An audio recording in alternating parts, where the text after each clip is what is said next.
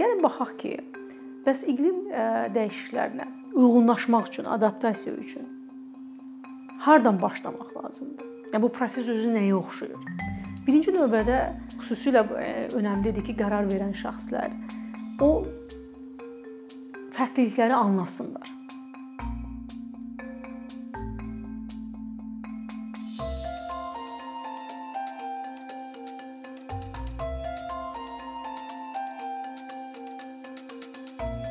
İqlim dəyişikliyi özündə istər fəsillərin dəyişməsi, müxtəlif səviyyədə, məsələn, istər dəniz suyunun yüksəlməsi və yaxud da aşağı düşməsi, indi dəniz Xəzər dənizi xeyli aşağı düşüb, formasında büruzə verir. Və eyni zamanda ekstrem hava şəraitində, istər ekstrem quraqlıq olsun, istərsə də yağıntının güclənməsi və yaxud da müxtəlif formada külək güclü küləklərlə müşahidə oluna bilər. Təbii ki, bu insanların həyatına müxtəlif formalarda təsir edir, birbaşa və dolayısıyla. Bəs iqlim dəyişikliyinə uyğunlaşma nə deməkdir? Adaptasiya nə deməkdir? Bu özü bir prosesdir və bu prosesdə istər fərdlərin, yəni bizim kimi şəxslərin, istərsə hökumətlərin, istərsə də icmaların, beynəlxalq təşkilatların adaptasiya prosesində aktiv rol oynamasını tələb eləyir. Bu nə üçün vacibdir? Çünki iqlim dəyişməyi elə bir prosesdir ki, biz hökumət tək başına bunu eləyə bilməz və ya da beynəlxalq təşkilatlar bu məsəl üçün COP indi gələ COP29 Azərbaycanda olacaq. Yığılıb bir qərar verirlər. Bu bir addımdır, amma hər bir şəxsdən gözlənilən bir hərəkətlilik var ki, adaptasiya prosesində aktiv rol olsun ki, həmin o təsirləri azalda bilsin. Bəs adaptasiya prosesi nədir? Adaptasiya iqlim dəyişikliyinə adaptasiya prosesi bir prosesdir. Daha çox fərdlərin öz həyatlarını və məşğuliyyətlərini, eyni zamanda ekosistemin və biznesin də, iqtisadiyyatın da dözümlülüyünü artırmaq hədəfləyir. Və bu prosesdə təbii ki, əhalinin müxtəlif qrupları var ki, onlar yerləşdiyi coğrafiyaya görə gəlir mənbəyi, dolanışıqlarına görə iqlimdən, iqlim təsirlərindən daha çox təsirlənə bilərlər və yaxud da ki, az təsirlənə bilərlər. Misal üçün, əgər bir şəxsin, bir ailənin gəlir mənbəyi, dolanışığı birbaşa olaraq təsərrüfatdandırsa, istər heyvandarlıq olsun, istər əkin olsun. Bu quraqlıq və yaxud da ki, su qıtlığı şəraitində daha çox təsirlənmiş insanlar olacaq. Və yaxud da ki, hamilə qadınlar və yaxud da ürək xəstəliyindən daşıyıcı olan, daşıyıcısı olan insanlar hava temperaturunun yüksəlməsi səbəbindən daha çox risklərə risklər hə, səhhətləri ilə bağlı, sağlamlıqlarla bağlı risklər daşıyırlar. Və bu əhali müxtəlif əhalinin cəmiyyətlərdə olan müxtəlif əhalinin qruplarına baxsa, görərik ki, bunların o təsirlənmə və yaxud da təsirə məruz qalma riskləri bəzilərində çox, bəzilərində aşağıdır. Gəlin baxaq ki, bəs iqlim dəyişikliklərinə uyğunlaşmaq üçün, adaptasiya üçün hardan başlamaq lazımdır? Yəni bu proses özü nəyə oxşuyur? Birinci növbədə xüsusilə önəmlidir ki, qərar verən şəxslər o fərqlilikləri anlasınlar. Məsələn, əhalinin qrupları arasında fərqliliyi anlasınlar ki, iqlim dəyişikliyi kimə daha çox, kimə daha az təsir edə bilər və ya da onların önəmlidir ki, adaptasiya daha onlar üçün prioritet, həmin qrup insanlar prioritetləşdirilsin. Məsəl üçün qadınlar. Təbii ki, qadınların cəmiyyətdə və ailədə rolu birinci növbədə ailənin qayğısına qalmaq, ev işləri və s.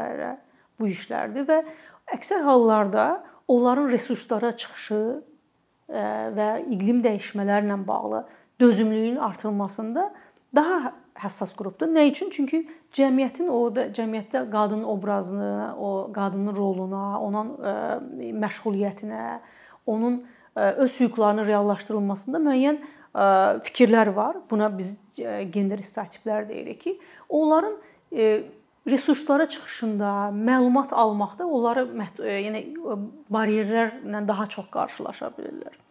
Və da ki, başqa qrup əhalilər var ki, əhali var ki, məsəl üçün əlilliyi olan şəxslər, o şəxslərin sosial və fiziki durumlarına görə məlumatı çıxışdan tutmuş resurslardan istifadəyə kimi müəyyən çətinliklərlə yana qarşılaşa bilərlər. Bu prosesdə birinci məsələ o fərqliliyi anlamaq ki, kim daha çox təsir məruz qalır və bu təsir onların dolanışığına nə dərəcədə birbaşa əlaqəlidir? Eyni növbə, eyni zamanda adaptasiya üçün, uyğunlaşmaq üçün hansı imkanları var? Yəni öz imkanları ilə bunu eləyə bilirlərmi? Yoxsa bunlara mütləq kənardan məlumatdan tutmuş e, digər texniki və ya maliyyə yardıma daha çox ehtiyacları var. Bu bunu tanımaq və e, dərk eləyib prosesin özündə bunları e, inteqrasiya eləmək çox əhəmilidir. İkinci element iştirakçılıqdır. Biz bu tanıdıq, başa düşdük ki, iqlim daha çox hansı sahələrə təsir edir, hansı qruplara təsir eləyir. Amma bununla bağlı hansı addımlar atmalıyıq, hardan başlamalıyıq, nəyi bir öncəliklə birinci növbədə bir addım olaraq e, prioritetləşdirməliyik. Bu prosesdə iştirakçılıq önəmlidir. Yəni biz təkcə özümüz oturub qərar vermirik, eyni zamanda o həmin e, müxtəlif risk qruplarına aid olan insanları prosesə aktiv cəlb edirik və təbii ki, burada qadınların da aktiv iştirakı çox əhəmilidir. Üçüncü hissə isə element biz bunu iştirakçılığı təmin elədik, anladıq.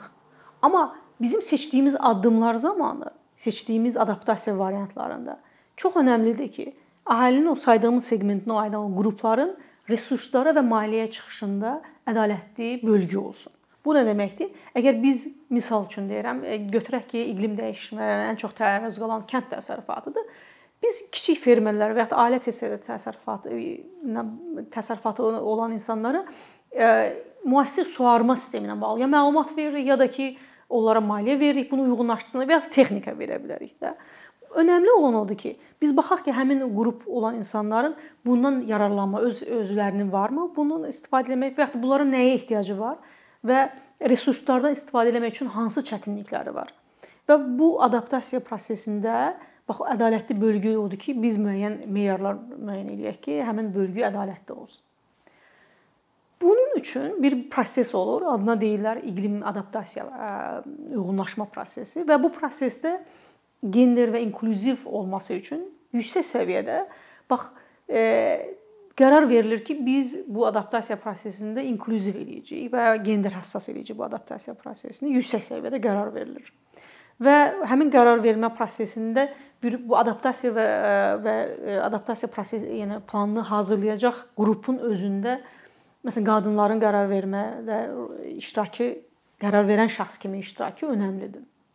Və biz bu prosesdə təbii ki, hardan başlamalıyıq, hansı sahəni birinci növbədə uyğunlaşdırmaq üçün strateji olaraq seçməliyik. O onun üçün biz gərək müxtəlif məlumatları analiz eləyək, həmin insanlarla məsləhətləşmə eləyək, ekspertləri cəlb eləyək və ona uyğun olaraq müəyyən eləyək ki, hə, bizim üçün prioritet tam kənd təsərrüfatıdır, sudan istifadədir və da ki, iqlim dəyişmələrinə dözümlü olan bitki və da ki, heyvan və da ki, toxumların sortlarının hazırlanıb və əhali arasında bu sahədə çalışan əhali arasında paylanmasıdır.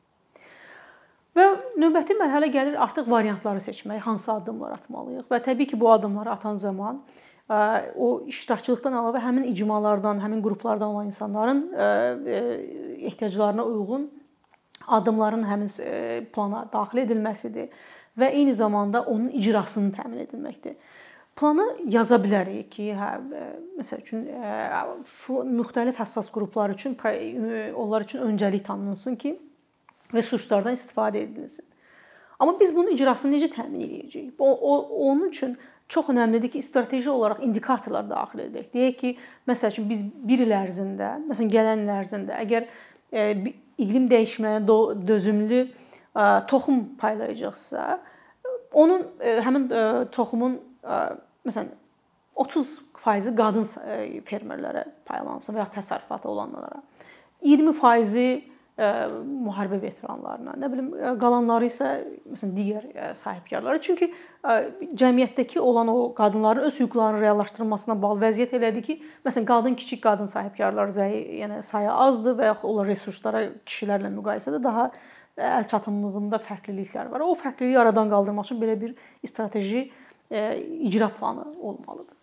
Və təbii ki, bu planın icra edən zaman biz baxmalıyıq ki, nə yaxşı işləyir. Əgər bizim bu seçdiyimiz iqlim variantlarında öncəliyi verirsək, baxırıq ki, hə, qadın fermerlər bundan daha çox faydalanıb həm öz ailələrinə dəstək ola bilər, həm də bir rol model kimi başqa başqalarına da nümunə olurlarsa, demək bunun sayını artırmaq lazımdır.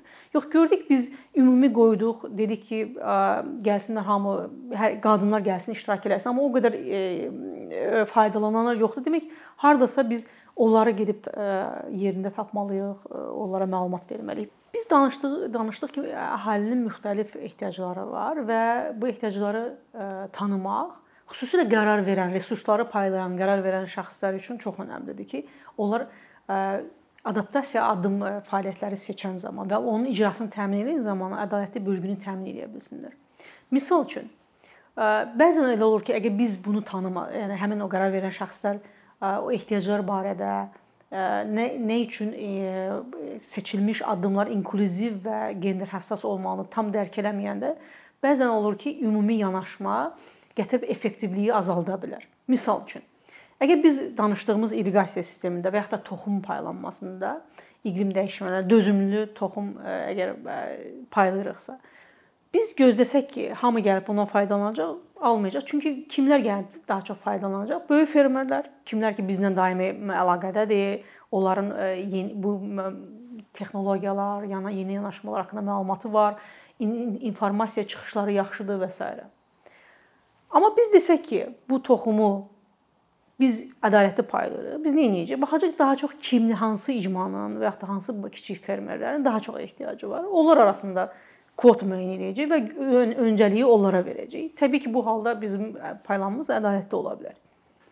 Məsəl üçün mən bir e, tədbirdə simulyasiya oyun elədim və e, müxtəlif e, qruplara bölünmüş şəxslərə toxum verdim. Dedim ki, bu 2 milyon kənd təsərrüfatında çalışan var və iqlim dəyişmələri səbəbindən su quraqlığı, su çatışmamazlığından quraqlıq var. Bunu daha çox hansı bu 2 milyon əhali arasında ən çox həssas qrup olanlar ki, hansılara verərdiniz? Çox qəribədir ki, bu şəxslər dedi ki, böyük fermerlərə verərik. Məsələn mən e, həm də soruşmuşdum ki, nə o qərarınızı açıqlayanda səbəbini nə deyin. Çoxları misal gətirdi ki, böyük fermer məsəl üçün e, əlilliyi olan şəxsləri işə götürə bilər, qadınları işə götürə bilər və bəziləri dedi ki, onlar daha çox təcrübəlidir, çoxalda bilər və s. Böyük fermerlərin özünə gələndə qrupların içində böyük fermerlər var. Onlar dedi ki, biz çoxaldacağıq e, və ucuz qiymətə ərzağı satacağıq həmin yerli əhaliyə. Məsəl üçün çox sual, yəni ən çox təəccübləndiyim o oldu ki, nə üçün insanlar belə düşünmüşdü? Və onlardan soruşanda və deyəndə ki, bu sizcə ədalətli bölgü oldu. Onsuz fermer daha çox pul qazanır, böyük fermerlər, onların resursları var və onların təklif elədiyi iş sezonludur. Məsəl üçün, əgər kimsə alaq təmizləyirsə, bu ola bilər 1-2 ayın işidir. Məhsulları, məhsulları yığırsa 1 ayın işidir, 2 ayın işidir. Və qalan əhali bəs yerli əhali qalan halda e, nə ilə dolanacaq? Çünki onların əsas dolanışıq mənbəyi kənd təsərrüfatıdır da. Onda onlar özləri də təcrübələnmişdi ki, onların yanaşmasında e, doğrudan o həssaslıq e, və e, ədalətli yanaşma yox idi. O baxımdan çox əhəmilidir ki, bax bu prosesdə iştirak edən şəxslər, xüsusilə qərar verən şəxslər və həmçinin e, məlumatlıq daimi bu sahədə təlimlərdə iştirak eləsinlər və çalışsınlar ki, öz yanaşmalarında ədalətli olsunlar.